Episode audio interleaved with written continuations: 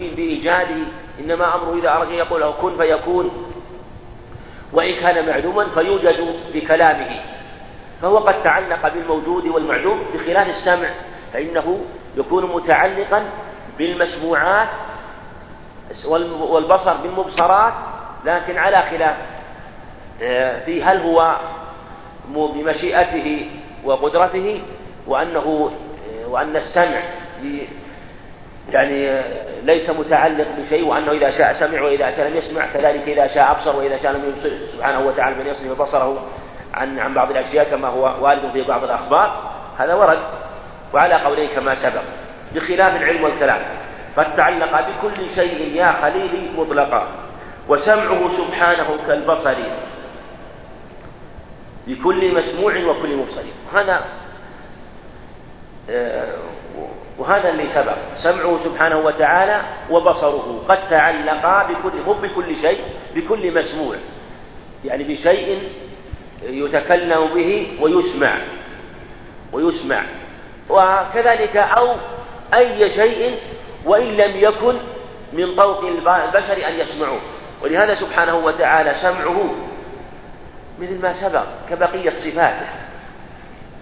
على وصف لا يعلمه إلا هو سبحانه وتعالى. يسمع دبيب النملة السوداء في الليلة الظلماء على الصفات ويسمع جميع الأصوات سبحانه وتعالى ويخاطب العباد يسمع كلامهم ويسمع حاجياتهم ودعواتهم. ولو اجتمعوا في صعيد واحد وفي مكان واحد واختلفت مطالبهم ودعواتهم يسمع كل شيء سبحانه وتعالى. لا لا لا يغلطه سمع عن سمع ولا يختلف عليه سمع عن سمع أو صوت عن صوت سبحانه وتعالى. ولهذا إذا قال العبد الحمد لله رب العالمين قال الله حمدني عبدي يخاطب عباده. وكم ممن يقول هذه الكلمات في مشارق الأرض ومغاربها؟ يدل على أن سمعه ولهذا قال تعالى سبحان من وسع سمعه الأصوات وسع كلها سبحانه وتعالى. فهذا السمع العظيم هل يقول قائل إن فيه تشبيه بسمع البصر بسمع البشر. هل يقال في التشبيه وأصابعه سبحانه وتعالى ويده التي يحمل عليها الكون كله. هل يقال هذه اليد تشبه يد البشر؟ لكن افترى المعطلون وكذبوا على الله وعلى رسوله حتى أنهم شبهوا ومثلوا ثم آل بهم إلى التعطيل ثم إلى تشبيه وتمثيل أعظم وأعظم وهو تشبيهه أو تمثيله بالممتنعات سبحانه وتعالى. بكل مسموع وسمعه سبحانه كالبصر يعني كالبصر أيضا بكل مسموع وكل مبصر. بخلاف العلم فإنه يتعلق بكل شيء. وأن ما, وأن ما جاء مع جبريل من محكم القرآن والتنزيل. لأن جبريل هو السفير بين الله وبين رسله. هو الذي ينزل بالوحي. وهو الذي نزل بالقرآن. سمع الكلام من الله. ولهذا أجمع السلف على أن جبرائيل سمعه من الله. وأن النبي عليه الصلاة والسلام سمعه من جبرائيل. والصحابة سمعوه من النبي عليه الصلاة والسلام. سمعه التابعون منهم. ولا ما زال المسلمون يتلقونه أمة بعد أمة إلى يومنا هذا. ومن قال خلاف هذا القول فقد أجمع السلف على ضلاله بل قالوا إن من أنكر صفة الكلام على هذا وأن الله لم يتكلم به فقد كفره كثير من علماء السلف لأنه تكذيب لكلام الله وكلام رسول الله صلى الله عليه وسلم. كلامه سبحانه قديم. هذه الكلمة فيها شيء مثل ما سبق. وإن كان وصف القدم يطلق على الله من باب الإخبار.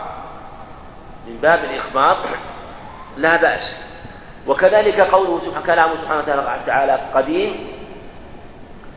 فيها إيهام لقول من يقول إنه لا يتعلق بمشيئته وإرادته وقدرته وأنه لازم لذاته ويلزم على ذلك أقوال باطلة وأنه معنى واحد.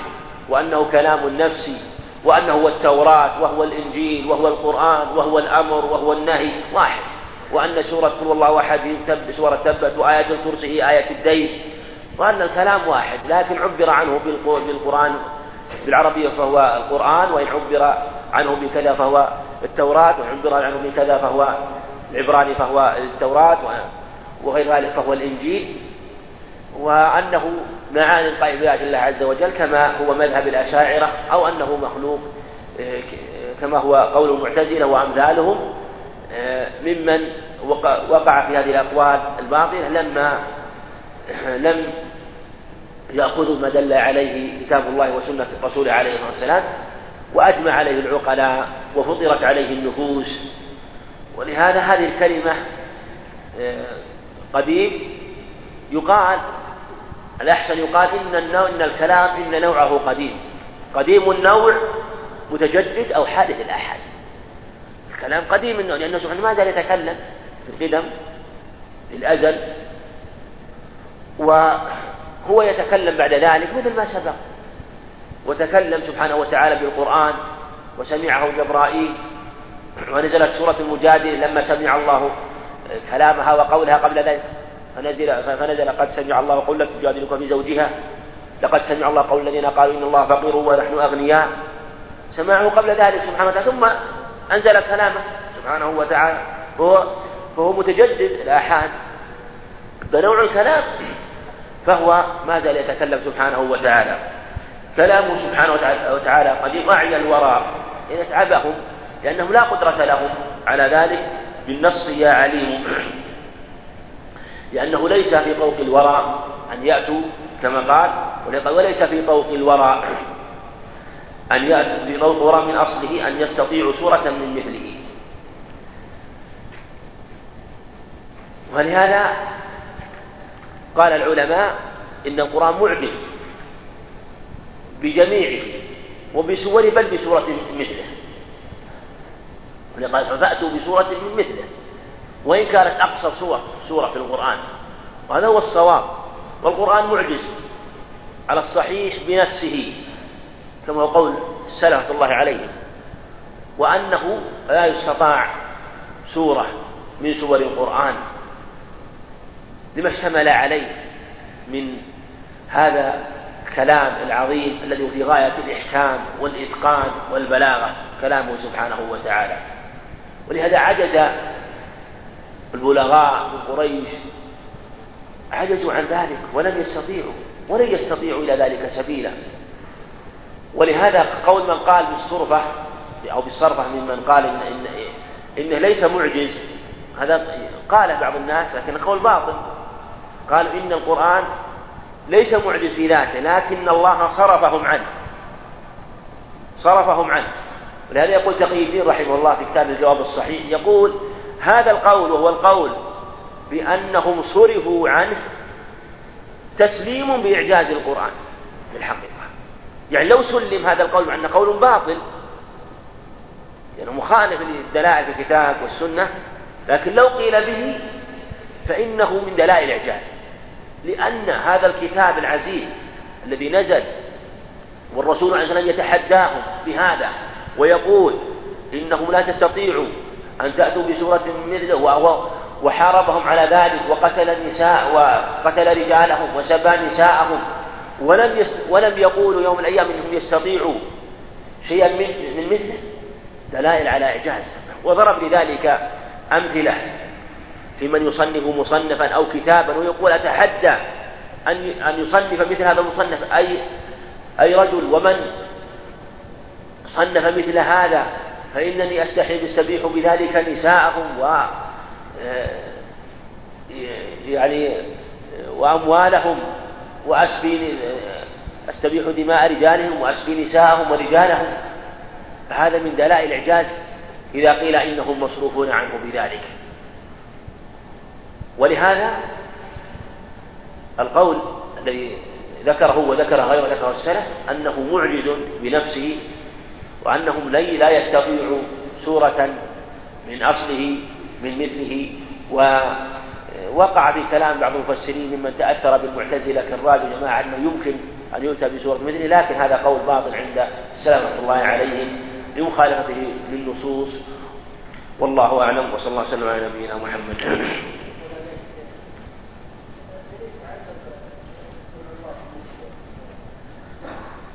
لأنه مثل ما جاء في في في البصر. كذلك لما في قوله سمع الله لمن حمده إن السمع إجابة. ومن استمع الله إليه من استمع الله إليه بدعاء يرجى أن يكون أجابه ومن لم يستمع إليه فلا يجاب. سمع الله لحمده لأن من استمع الله إليه بدعاء فحري أن يجاب.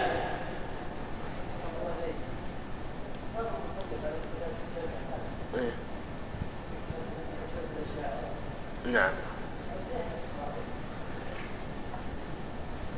لا هو هو يعني سيأتي يعني في يعني يمكن يأتي أبو شيء يبين هذا لكن مصنف رحمه الله جاء في كلامه أنه ما يدل على أنه يثبت يعني الصفات على العموم.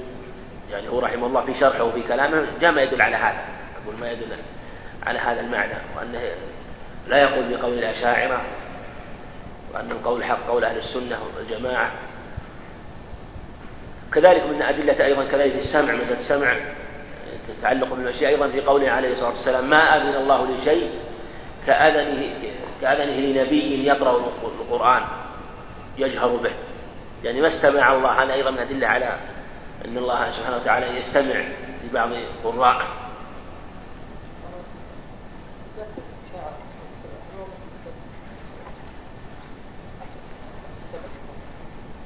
لا مو بالضبط لا مو لا يثبتونها على هذا الوجه. هم إثباتهم فيها مضطرب. لهذا في الغالب إثباتهم لها مو مو بسليمة لهذا الكلام هم مضطربون فيه. كلامهم يعني قولهم مثل قول يعني يؤول إلى قول المعتزلة بل هو أقبح عند بعض أهل العلم. نعم.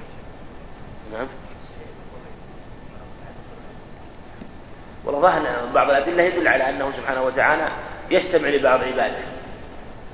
يعني قال ما أذن الله شيء كأذنه يعني ما استمع. يبين أنه قد يستمع لبعض من يقرأ من صوته حسن ولا يستمع لغيره.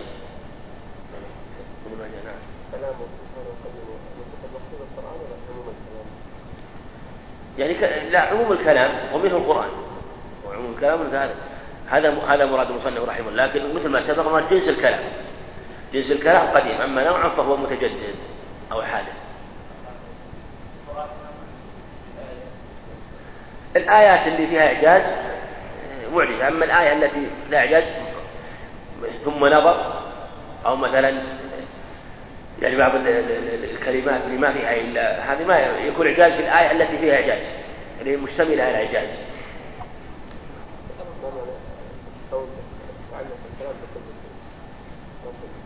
من جهة أنه يعني أن الكلام يتعلق بالموجود والمعدوم. الكلام يتعلق بالموجود والمعدوم. فإذا خاطب سبحانه وتعالى شيئا وأراد أن يوجده قال كن فيكون. والشيء هذا غير موجود مثلا. فيوجد بكلامه سبحانه وتعالى وتعلق بشيء غير موجود. منه بدأ يعني أنه تكلم به سبحانه وتعالى. لم يبتدئ كما قال الجهمية وأمثالهم والأشاعرة. مثلا في حق موسى من الشجرة أو أن أو غير ذلك. بل بدأ منهم أن نتكلم وإليه يعود يرفع. أن القرآن يرفع مثل ما جاء بعض الأخبار. أن القرآن يرفع في آخر الدنيا في وأنه لا يبقى منه شيء. هذا اتفق عليه السلف الله عليهم وجاء به آثار عن عمرو بن دينار حكى عن جميع السلف وثبت في حديث حذيفة رضي الله عنه. قال يدرس الإسلام كما يدرس وجه الثوب حتى لا يبقى صلاة ولا صيام. ويبقى أناس أو الشيخ الكبير والكبير يقولون أدركنا آباءنا على هذه الكلمة.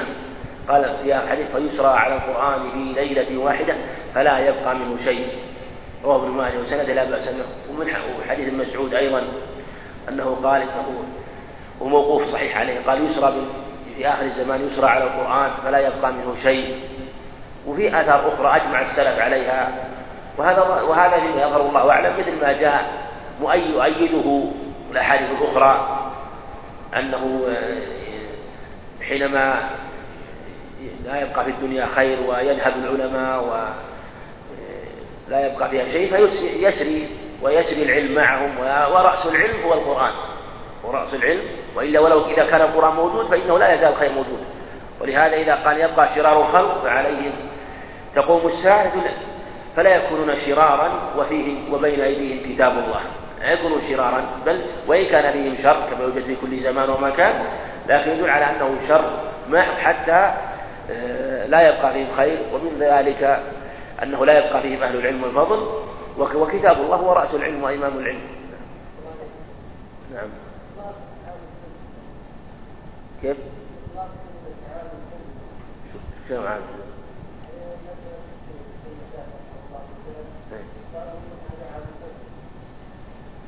ما أدري والله. أقول ما أدري والله. ما نعم كلام تعلق بكل شيء نقول من المسموعات والمعلومات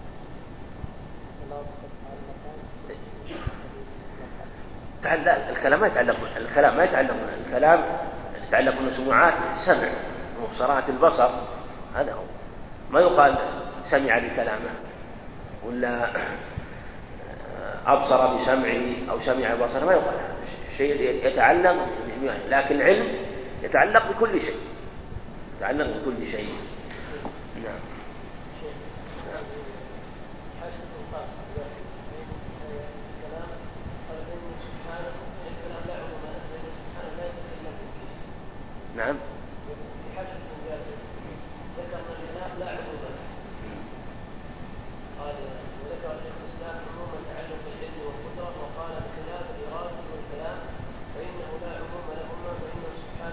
بخلاف بخلاف الإرادة والكلام. نعم فإنه لا عموم لهما فإنه سبحانه لا يتكلم بكل شيء ولا يريد إلا ما سبق علمه به لا يريد كل شيء بخلاف العلم والقدرة فإنه بكل شيء عليم وعلى كل شيء لا هو أراد التعلق ما أراد الكلام في ذاته أراد التعلق يعني تعلقا بالشيء يعني يعني تعلق بالشيء بما يخاطبه. ولهذا قال بكل بكل مسموع وكل وكل مبصر. أما هو سبحانه وتعالى لا يتكلم بكل شيء هذا واضح. لكن يراد بذلك أنه تعلق بالشيء غير الموجود مما يكون بيسمونه السلف يسمونه خطاب التكوين. إذا فسر على هذا واضح. يعني هذا المراد. مثل ما يقال في لما ذكر السمع والبصر أنه أن السمع بالمسموعات والبصر والمبصرات والكلام يتعلق بما يناسبه مما يتعلق به مما يريد إيجاده سبحانه وتعالى. ها؟ إيه جائزة جائزة بشرط أن تكون ما فيها صور هذا الصحيح. إذا صار ما فيها صور يجوز إذا كان فيها صور فلا هذا الصحيح. السلام عليكم. قال الإمام السفاريني رحمه الله فصل وليس ربنا بجوهر ولا عرض ولا جسم تعالى ذو العلا. من المصنف رحمه الله في هذا بدأ في ذكر أو يسرد بعض ما يتعلق بصفاته سبحانه وتعالى وذكر شيئا من الصفات التي لا يقل الله عز وجل. كما سرد بعضها قبل ذلك. وبدأ وذكر هنا النفي قال وليس ربنا بجوهر.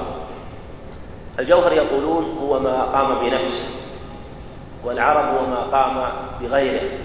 كالنفس مثلا يقولون عرب لأنه يذهب ويأتي غيره. وهذا من المصنف رحمه مما أخذ عليه حيث أنه نفى ألفاظا لم يدل الكتاب والسنة على نفيها. قل وليس ربنا بجوهر ولا عرض ولا جسم تعالى هذا كان الجسم والعرض الجوهر والجسم والعرض. هذه ألفاظ محدثة وقاعدة أهل السنة والجماعة في مثل هذه الألفاظ أن من قال إن الله ليس بكذا ليس بجسم ليس بجوهر ليس بعرض. نقول نستفسر عن المراد. فإن ذكر معنى صحيحا لا بالله عز وجل قلنا المعنى صحيح واللفظ غلط لأنه لم يرد في الكتاب والسنة. وإن ذكر معنى خطأ قلنا المعنى خطأ واللفظ خطأ. بقول ليس ربنا بجوهر كلمة الجوهر وما الجوهر هذه يكثر فيها الكلام عند المتكلمين. والجوهر قولهم ليس بجوهر والجوهر الفرد والجواهر المنفردة. وكلامه في هذا مضطرب حتى إن من يقرأ كلامه لا يكاد يفهم كثيرا من المقصود من كلامه. وشيخ الإسلام رحمه الله ينقل كثير من عباراته ويذكر ويقرأ أهل العلم وطلاب العلم. والذي يعني أفهمه من كلامه رحمه الله في مسألة الجوهر والجوهر الفرد هذا.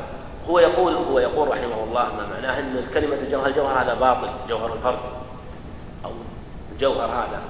وهم يقول إن المتكلمين يريدون بذلك إثبات حدوث الكون عن طريق الأعراض والأجسام. وأن هذا الكون جميع جواهر منفردة. وأن خلق السماوات والأرض السماوات هذه كلها كانت من جواهر منفردة اجتمعت وصارت جسما والأرض وجميع الأجسام من أشجار وأحجار جميع الكون من جواهر منفردة وتكونت وإلا هي موجودة هي مبدعة لم يخلق لم يخلقها الله سبحانه يعني هي قديمة ومبدعة وليست موجودة ولم تحدث ولم توجد من العدم ويلزم على كلام الأقوال باطلة. وإنما غاية ما في هذا أنها تجتمع فيكون منها هذه الأجسام وهي السماوات والأرض وهذه الأجرام وتتفرق. وتتفرق. وهي وهي جواهر شائعة موجودة منتشرة في الكون وهي جواهر واحدة متشابهة متماثلة ويعبر عن بتماثل الأجسام. وإلا ما في فرق بين عندهم بين الماء والنار والسماء والأرض وبدن الإنسان وأشجار كلها يقولون جواهر كلها أجسام متماثلة لأنها إذا افترقت وتحللت عادت إلى شيء. فعندهم مثلا إذا تحلل مثلا مثلا الخنزير مثلا في البحر وصار ملحا يقولون ما استحال ولا تغير إنما تفرقت جواهر هذا الخنزير حتى صارت ملح وإلا في الأصل واحد. الماء مثلا عندهم كذلك إذا تطاير في الهواء. يقولون جواهر موجودة ولم يستحل والجوهر الفرد هذا يقولون هو الجزء الذي لا يتجزأ. يعني أنه ينقسم انقسام وإن كنا لسنا بحاجة إلى مثل هذا لكن لأجل بيان شيء مما ذكر رحمه الله في في مواضع كثيرة متفرقة في كلامه رحمه الله لكن يتحصل من هذا الشيء ويقول إنه إن هذه إن هذا الجوهر جزء لا يتجزأ. وأن الله عز وجل ليس بجوهر يقولون. يعني لو كان جوهر لزم عليه أنه جواهر مجتمعة. ويكون جسما. وإذا كان جسما فإنه يعرض له ما يعرض للجسم. ورتبوا على هذه المسائل أقوال باطلة نفوا بها أسماء الله وصفاته سبحانه وتعالى.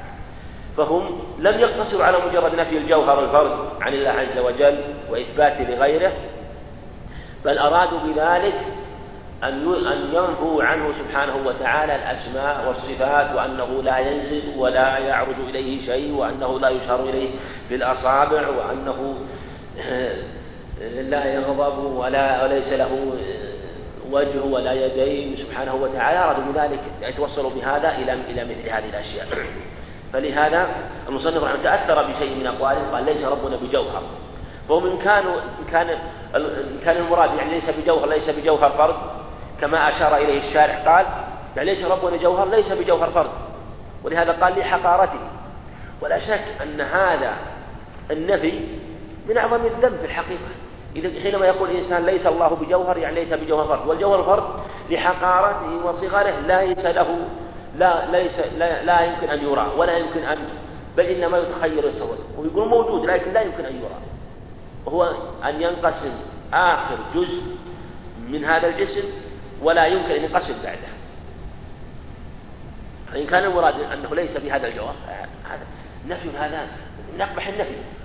وإن كان المراد به يعني ليس هذا مركب من جواهر المفردة سبحانه وتعالى وأرادوا به أنه آه، ليس جسما كالأجسام المخلوقة الموجودة فهذا معنى الحق لكنه عبروا عنه بأقوال باطلة لم ترد به لم ترد في الكتاب والسنة. ولهذا من لم يعتصم بالكتاب والسنة في كلامه وفي أدلته؟ ضل وتحير. حتى إن بعضهم آه، في مسألة الجوهر وغيره نفى وأبطل ما عليه المتكلمين وأشباههم. وليس ربنا بجوهر هذا كله من النفي الذي لم يرد في الكتاب والسنة. ولا عرض كذلك ولا جسم. كلمة ولا جسم سبحانه وتعالى نفي أيضا لم يرد في الكتاب ولا السنة. ولأن الذين يقول ليس بجسم قد يريدون معنى باطلا. لأنه في الحقيقة حينما يقول ليس بجسم لأنهم يقولون إن إنه سبحانه وتعالى ليس له سمع لا ليس له سمع ولا بصر وليس بسميع ولا بصير. الغلاة في النفي وكذلك يقول ليس له يد ولا وجه وليس له عينين وليس له عينان سبحانه وتعالى. ولا ينزل ولا تصعد الأشياء إليه ولا تعرج إليه. هذا مرادهم بهذا. وإن كانوا يظهرون أنهم يريدون معنى الحق ليس ربنا بجوهر ولا جسم. والذي يقول يعني أنه ليس بجسم يعني أراد أن قال يعني ليس بجسم آه، إن أراد هذا المعنى قلنا المعنى أن هذا المعنى باطل واللفظ باطل. وإن قال أنا ليس بجسم كالأجسام المخلوقة هذه الأجسام الموجودة وهذه أو جوارح بني آدم لا يوجد جوارح بني آدم في يديه وفي قدميه وفي وجهه وفي نزوله سبحانه وتعالى وفي استوائه يعني لا يكون استواء كاستواء. الإنسان ولا نزول كنزول الإنسان. أردت هذه المعاني أني أني أني أنفيها عنه سبحانه وتعالى؟ نقول المعنى صحيح لكن نفيك لهذا خطأ لأنه يوهم معنى باطلا ويطرق أهل الباطل والضلال إلى مثل هذه المعاني الباطلة. فلهذا هذه المعاني أهل السنة لا ينفونها ولا يثبتونها بل يستفسرون عمن عن قائلها ماذا أراد بذلك. تعالى ذو العلا سبحانه وتعالى بعلوه لأنه له أنواع العلو. الثلاثة علو القهر قهر كل شيء سبحانه وتعالى وجوده علو القدر وعلو الذات سبحانه وتعالى. سبحانه تنزيه الله عز وجل. قد استوى يعني على العرش كما ورد استواء يليق بجلاله. وهذا هو الحق وهو قول السنة والجماعة لتوارد النصوص في ذلك في الكتاب والسنة. قلت الرحمن على العرش على على العرش استوى. ثم استوى على العرش الرحمن. إن ربكم الله الذي خلق السماوات والأرض في ستة أيام ثم استوى على العرش. الله الذي خلق السماوات في ستة ثم استوى على العرش. الله الذي رفع السماوات بغير عن ثم استوى على العرش. هو الذي خلق السماوات في ستة أيام ثم استوى على العرش. فهو سبحانه وتعالى قد استوى على العرش استواء يليق بجلاله. وهذا قول أهل السنة قاطبة. والاستواء كما قالوا الاستواء معلوم والكيف مجهول والإيمان واجب والسؤال بدعة الاستواء معلوم في اللغة. لأن معناه العلو على الشيء والاعتدال. هذا معنى الاستواء. من استوى على شيء بمعنى أنه عال عليه ومعتدل. اعتدل في استوائه. مستو يعني على عليه واعتدل. فلا يكون المائل مستويا. ولا يكون النازل عنه أو من لم يكن عليه مستويا. يقول تعالى لتستووا على ظهوره. فإذا استويت أنتم معك على الملك فاستوى على سوقه. واستوت على الجود. كلها معناها علو واستقرار. علو واستقرار. وتذكر يقول تعالى إذا استويتم عليه يعني فل يعني استوى على الدابة يعني عليها على عليها مع اعتدال. فهذا هو معنى الاستواء في اللغة وهو معلوم. وخالف أهل البدع والضلالة فقالوا استوى معنى استولى. وهذا لا شك أن المعنى باطل والأدلة على بطلانه واضحة والأدلة في ثبوته عند أهل السنة كما سبق كثيرة. ولا شك أنه أن مثل هذه تكفي في مثل هذا. وقد بين أهل العلم رد هذه الأقوال أو هذا القول بوجوه كثيرة مع أن إثبات صحة الاستواء إثبات الاستواء الله عز وجل ثابت بهذه النصوص. وذلك أن الاستواء في اللغة له معنيان معنى مطلق ومعنى مقيد. فيقول استوى بلا بدون أن يوصل بشيء. بدون أن يوصل بشيء. فإذا قيل استوى الشيء أو استوى الطعام آه، معنى نضج أو استوى في في عمره أو في سنه يعني كمل أو هذا إذا بدون أن يوصل. وإذا وصل فإنه إما أن يوصل بإلى أو بعلى أو بالواو التي معنى مع فال فإذا وصل بعلى معناه العلو على الشيء والاعتدال كما في الآيات. وإذا واستوى إلى الشيء أيضا بمعنى العلو عليه. ثم استوى إلى السماء وهو دخان هو الذي خلق لكم والأرض جميعا ثم استوى إلى السماء. ثم استوى إلى السماء. يعني وهذه استوى بمعنى العلو أيضا بمعنى العلو. ويكون استوى مع الواو أو أو بالواو التي بمعنى مع. يكون استوى الماء والخشبة. يعني استوى الماء مع الخشبة. فهذه معاني في اللغة وليس له معنى وليس الاستواء عن غير ذلك. وإما أن يكون مقيدا موصولا بشيء بإلى أو بعلى أو بالواو أو يكون مرسل بدون ذكر الصلة. وهذا أما ما سوى ذلك فهو معنى باطل. أما تأويل استوى استولى فلو لم يكن في هذا إلا الآيات هذه لكان كان مطلقا. مع أن هذا لم يعرف لا بلغة العرب إنما حكي عن إنسان نصراني متأخر بعد ذلك تلقاه عنه. أهل الضلال والبدعة فجعله حجة. فكيف يكون البيان لهذه المعاني في الكتاب والسنة بعد القرون الفاضلة ويأتي نصراني ويتلقى عنه أبناء فارس والروم ممن هو مغموس بالنفاق والكفر والشرك ويكون الحق في هذا القول. كيف هو الكتاب والسنة؟ توارد الكتاب توارد على ذكر الاستواء ولم يأتي موضع واحد أنه استولى ويكون معنى استوى معنى استولى. كيف وقد أن هذا المعنى أجمع العلماء على رمضان ولم يذكره أحد من المتقدمين. ثم أيضا إذا أريد شيء من هذه المجازات الباطلة لا بد أن يدل دليل على المراد بهذا المعنى. إما من نفس النص أو من خارج النص ثم لا بد أن يكون هذا المعنى صح صحيح وثابت في اللغة. وقد استوفى العلماء الكلام في هذا في هذا المعنى وبينوا حقيقة الاستواء سبحانه وتعالى أو معنى استواءه. كما أجمع على ذلك أهل السنة والجماعة كما ورد من غير كيف. لا نكيف. نقول استواء. استواء حقيقيا لا لا لا ندري كيف استوى الاستواء معلوم. أما كيف استوى كذلك العلم والسمع والبصر. كيفية هذا الصفات لا نعلم كيفيتها. قد تعالى أن يحد سبحانه وتعالى. تنزه وارتفع وتعالى أن يحد والحد هنا يراد به معنى صحيح يراد به معنى باطل. فالمعنى الصحيح أو المعنى الذي أشار المصنف رحمه الله هو أن يكون هو المعنى الباطل هو أن يكون آه، يعني يعني قد آه، يعني قد يراد به الحد الذي يعلم والحد الذي لا يعلم. يعني كأنه أراد تعالى عن أن يحد عن حد يعلمه الناس.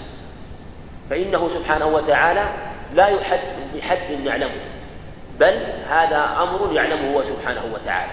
أمر يعلمه سبحانه وتعالى. هذا هو المراد. وهذا قد روي عن أحمد رحمه الله برواية حنبل أنه أنه نفى الحد عن الله عز وجل. مع أن الروايات الكثيرة عنه صحيحة. إثبات الحد لله عز وجل وهو قول عبد الله المبارك وهو قول أهل السنة رحمه الله عليه وإن نفاه بعضهم لكن من نفاه أراد معنى صحيحا وهو أراد الحد الذي يعلمه الناس. أما الحد الذي لا يعلمه إلا هو سبحانه وتعالى فهو معنى صحيح. وقد يقول قائل طيب أليست الصفات توقيفية؟ كيف نقول إنه الحد؟ وهذا ليس لم يؤتي آه، وصفه بذلك. نقول الحد ليس اسما وصفا لله عز وجل. الحد تمييز تمييزه سبحانه وتعالى عن اختلاطه وامتزاجه بمخلوقاته فهو المراد به بيان الحق ورد الباطل والمراد برد باطل أهل الجهمية الذين يلزم على أقوالهم أنه سبحانه وتعالى مختلط بالأكوان ومتلبس بها لأنه يلزم من أقوالهم هذا الشيء لأنه إذا كان ليس فوق يعني ليس فوق ولا تحت ولا أمام ولا عن يمين ولا عن شمال ولا كذا ولا يعني أنه مختلط بهذا الكون. فالمراد برد الباطل. هذا من باب الإخبار عنه يعني كأنك تخبر عنه سبحانه وتعالى كما أننا نقول إن باب الإخبار أوسع من باب الإنشاء. فنخبر عنه بهذا من باب رد الباطل. قال عبد الله مبارك لما قيل له الرحمن عرش استوى قيل له بحد. قال نعم بحد. يقول عبد الله مبارك رحمه الله بحد. وذلك أنه أخبر أنه على العرش سبحانه وتعالى وأنه مستوي عليه وأن الأشياء تعرج إليه وتصعد إليه سبحانه وتعالى. وهذا يبين أنه في العلو أنه في العلو وأنه ليس في السفل سبحانه وتعالى بل هو في العلو ومتميز عن خلقه. فهذا هو المراد بالحد وهو أنه غير مختلط وغير ممتزج بل في العلو سبحانه وتعالى مستو على عرشه. فلا يحيط علمنا بذاته ولا يحيطون بعلمه لا نحيط بعلمه سبحانه وتعالى. وهذا يبين أن ذاته سبحانه وتعالى بجميع ما لها من الصفات لا نحيط بها بل هو الذي يعلمه سبحانه وتعالى. ولهذا يقول أعلم الخلق وأفضل الخلق عليه الصلاة والسلام لا أحصي ثناء عليك أنت كما أثنيت على نفسك. لا يحاط بذاته سبحانه وتعالى. ولهذا لا تدركه الأبصار. وهو يدرك الأبصار يعني وإن رآه الناس وإن كان يرى سبحانه وتعالى لكن لا يحيطون به سبحانه. وتعالى والإنسان يرى الشمس ويرى القمر وهو مخلوق من مخلوقات الله ومع ذلك لا يحيط بها. فكيف بالله عز وجل؟ فإنه لا يحيط به سبحانه لا في هذه الدنيا ولا يوم القيامة حينما يرى يراه المؤمنون. يرون وجهه سبحانه وتعالى. كذاك لا ينفك عن صفاته صفاته التي وصفها سبحانه وتعالى هو متصف بها. ومن صفاته ما هو من صفات الذات ومن صفاته ما هو من صفات المتعلقة بمشيئته وقدرته. فما كان من صفاته فهو متصف به سبحانه وتعالى في القدم وفي الأزل من جهة آه، الصفات التي تكون بمشيئته وقدرته. فكلها صفات آه، اتصف بها ما كان متعلق بمشيئته وقدرته فإنه يفعل ما شاء إذا شاء وما كان متعلق بذاته وما, وما كان من الصفات التي لا تنفك عنه فهو متصف بها دائما سبحانه وتعالى من سمعه وعلمه من علمه وإحاطته بالأشياء سبحانه وتعالى وكذلك صفاته الذاتية كالوجه واليدين والأصابع. من رحمة ونحوها من رحمة. فهذا يبين أيضا المصنف رحمه الله يثبت الصفات لله عز وجل كما يثبت أهل السنة ولهذا ذكر رحمة من رحمة. وهي رحمة لائقة بالله عز وجل ورحمتي وسعت كل شيء. فهو يرحم برحمة سبحانه وتعالى لكن لائقة به لا نعلم كيفيتها. وقد تواترت بذلك أخبار عنه عليه الصلاة والسلام وأن رحمته سبقت غضبه ورحمته رحمتان رحمة متعلقة بذاته ورحمة يعني ورحمة لا آه، مخلوقة وهي الجنة. يقول أنت رحمتي في الجنة أنت رحمتي أرحم رحمتي أرحم مني من أشاء. هي رحمة مخلوقة ورحمة غير مخلوقة وهي رحمته التي هي وصفه سبحانه رحمة هي وصفه ورحمة مخلوقة من مخلوقاته وهي الجنة. ونحوها كالغضب والرضا من صفاته سبحانه وتعالى كوجهه. وهو من صفاته الذاتية سبحانه وتعالى وهو وجه لائق بالله عز وجل ويبقى وجه وجه ربك فهو وجه لائق بالله عز وجل وقد أثبته السنة والجماعة لله عز وجل. و ومما يدل عليه أن أهل الجنة يرونه سبحانه وتعالى في جنة عدن يرونه ويرون وجهه ويكون هذا من أعظم النعيم. أسألك لذة النظر إلى وجهك والشوق إلى لقائك. وما بين القوم وبين أن ينظروا إلا رداء الكبرياء على وجهه. والأخبار في هذا كثيرة وهو وجه لائق بالله عز وجل ليس كوجوه المخلوقين وهذا واضح. وهذا في جميع في جميع الصفات. والإنسان كما يقول بعض أهل العلم إذا كانت المخلوقات بينها تميز واختلاف في صفاتها في يدي في اليدين وفي الرجلين وفي الوجه بين المخلوقات أنفسها فكيف بالله عز وجل؟ ولهذا لو قيل لإنسان وجهك كوجه الخنزير أو وجهك كوجه الكلب أو وجهك كوجه القط أو كوجه حيوانات أخرى الجمل أو غير ذلك. لأنف من هذا الوصف. وقال كيف تشبهني؟ وجهي لا يشبه وجهه. وغضب. وأنكر ذلك. مع أن هذا إنسان مع أن الجميع مخلوقون. ويقول ويمكن أن يكون وجهه كوجه هذه المخلوقات. بل إن المخلوقات من الحيوانات بين وجوه من التمايز الشيء العظيم. إذا كان هذا بين المخلوقات ومع ذلك لم يقتضي المشابهة بين وجوهها فكيف بالله عز وجل؟ الفارق أعظم وأعظم؟ الإنسان مثلا في صفة الاستواء يعني من ذلك أيضا. الإنسان حينما يجلس على على الكرسي يحتاج إلى الكرسي. ولو سقط الكرسي سقط الإنسان. لو استوى على شيء وأوزي سقط. يحتاج إلى ما استوى عليه. الأكل في الجنة الأكل في الدنيا طريقته وطبخه له طرقه الخاصة. في الجنة يكون الأكل بغير هذا والطعام بغير هذا. فإذا كان هذا في الأكل مع الأكل فكيف بالله عز وجل؟ مع خلقه والله عز وجل في استوائه لا يحتاج إلى العرش بل العرش محتاج إليه. والله عز وجل هو الذي حمل العرش وحمل حملة العرش. وهذا غير معهود في الحياة الدنيا غير معهود للمخلوقات في استوائها الإنسان حينما يستوي على الدابة يستوي على السيارة يحتاج إليها. فهذا يبين لك أن هذا استواء لا يقبل الله عز وجل لا يمكن تكييفه ولا معرفة صفته بل هو لا يقوم به سبحانه وتعالى لا يعلم كيفية وهكذا في سائر صفات الله عز وجل. ويده كذلك. يده سبحانه وتعالى. لائقة بالله عز وجل وله يدان. سبحانه وتعالى بل يداه مبسوطتان. وقالت اليهود يد الله مغلوب بل يداه مبسوطتان. لما خلقت بيدي بيده الملك. وهذا مما أجمع عليه السنة والجماعة. وتواترت به الأخبار وكلتا يدي يمين سبحانه وتعالى. اخذت يمين ربي وكلتا يدي وكلتا يدي يمين. الذين يعدلون في أهلهم وحكم عن يمين الرحمن سبحانه وتعالى.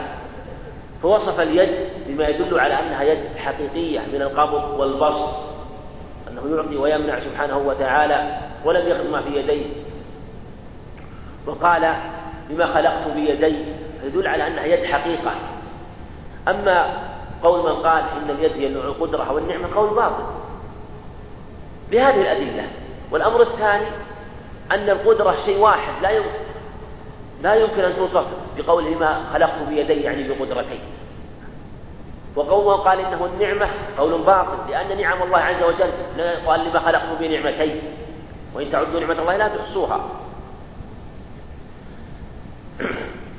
فهو سبحانه وتعالى له يدان على الوجه اللائق بالله عز وجل كما يقول أهل السنة والجماعة. ووصفها سبحانه وتعالى بما ينفي عنها التعظيم الذي أثبته أهل الباطل ونفوا به اليد. فوصفها سبحانه وتعالى بالقبض والبسط والكف والأصابع ما يدل على أنها يد حقيقية لا يقع بالله عز وجل لا يعلم كيفيتها إلا هو سبحانه وتعالى. ويده وكل ما من نهجه يعني كذلك من نهج اليد مثل يعني الأصابع ومثل أيضا آه، القدم لله عز وجل على صفة لائقة بالله عز وجل. فكل فكل ما قد جاء في الدليل فثابت من غير ما تمثيلي وهذا سبقت الإشارة إليه وأنه كل ما جاء في الدليل فثابت لله عز وجل. وسبق أن ذكر التشبيه هنا ذكر التمثيل وأن التمثيل أصح لقوله تعالى ليس كمثله شيء. فثابت الله عز وجل غير تمثيل له بصفات خلقه. بل هو وصف لائق بالله عز وجل. وعينه وصفة النزول وخلقه فاحذر من النزول لأن له عينين سبحانه وتعالى ولتصنع على عينه. آه، وأن وفي قوله عليه الصلاة والسلام إن إن ربكم ليس بأعور بل العينين لله عز وجل. وأنهما عينان لائقتان بالله عز وجل لا يعلم كيفيتها إلا هو سبحانه وتعالى. وجاءت مجموعة وجاءت مفردة مضافة وهذا في لغة العرب لا إشكال فيه. فالجمع فالجمع يأتي في لغة العرب يأتي ويراد آه، يعني عندنا الواحد يأتي ويراد به الجمع والجمع يراد به الواحد والجمع يراد به الاثنين. هذا معروف في لغة العرب أنه يأتي الواحد ويراد به الجمع والجمع يراد به الواحد والجمع يراد به الاثنان. أما الواحد يراد به الاثنان أو الاثنان يراد الواحد فهذا لا لا يصح في لغة العرب. ولهذا يقول إن الإنسان لفي خسر وكان الإنسان أكثر شيء جدلا. إنسان واحد لكن يراد به الجمع من جهة الواحد بمعنى الجنس. كذلك الجمع يراد به الواحد. الذين قال لهم الناس الناس قد جمعوا لكم. الناس اسم جمع يعني أو اسم جنس. لأن الجنس فيه معنى الكثرة. ويدل على الجنس الجمع في هذا يدل على الجنس. الجمع في هذا يدل على الجنس. والجنس يشمل الواحد فأكثر. فيطلق الجمع ويراد به الواحد فلا حرج. يطلق الواحد ويراد بالجمع من جهة أن الجنس يراد أن الواحد يراد بالجنس. والجمع يراد به الجنس. كذلك يطلق الجمع يراد به الاثنان. من قوله تعالى فقد صغت قلوبكما فاقطعوا أيديهما. المراد قلباكما. فاقطعوا أيديهما المراد فاقطعوا يديهما. والسارق والسارقة يعني. والسارق والسارقة. وهذا مثل ما يأتي في وصفه سبحانه وتعالى. ثم هذه الصفات لله عز وجل كما ذكر المصنف رحمه الله كلها ثابتة لله عز وجل من غير ما تمثيل لا نقال صفة العين كذا أو صفة السمع كذا لا نقال هذا تكييف. لكن تثبت أن له سبحانه وتعالى عين حقيقية سبحانه وتعالى. يبصر بهما. أنه سمع يسمع به.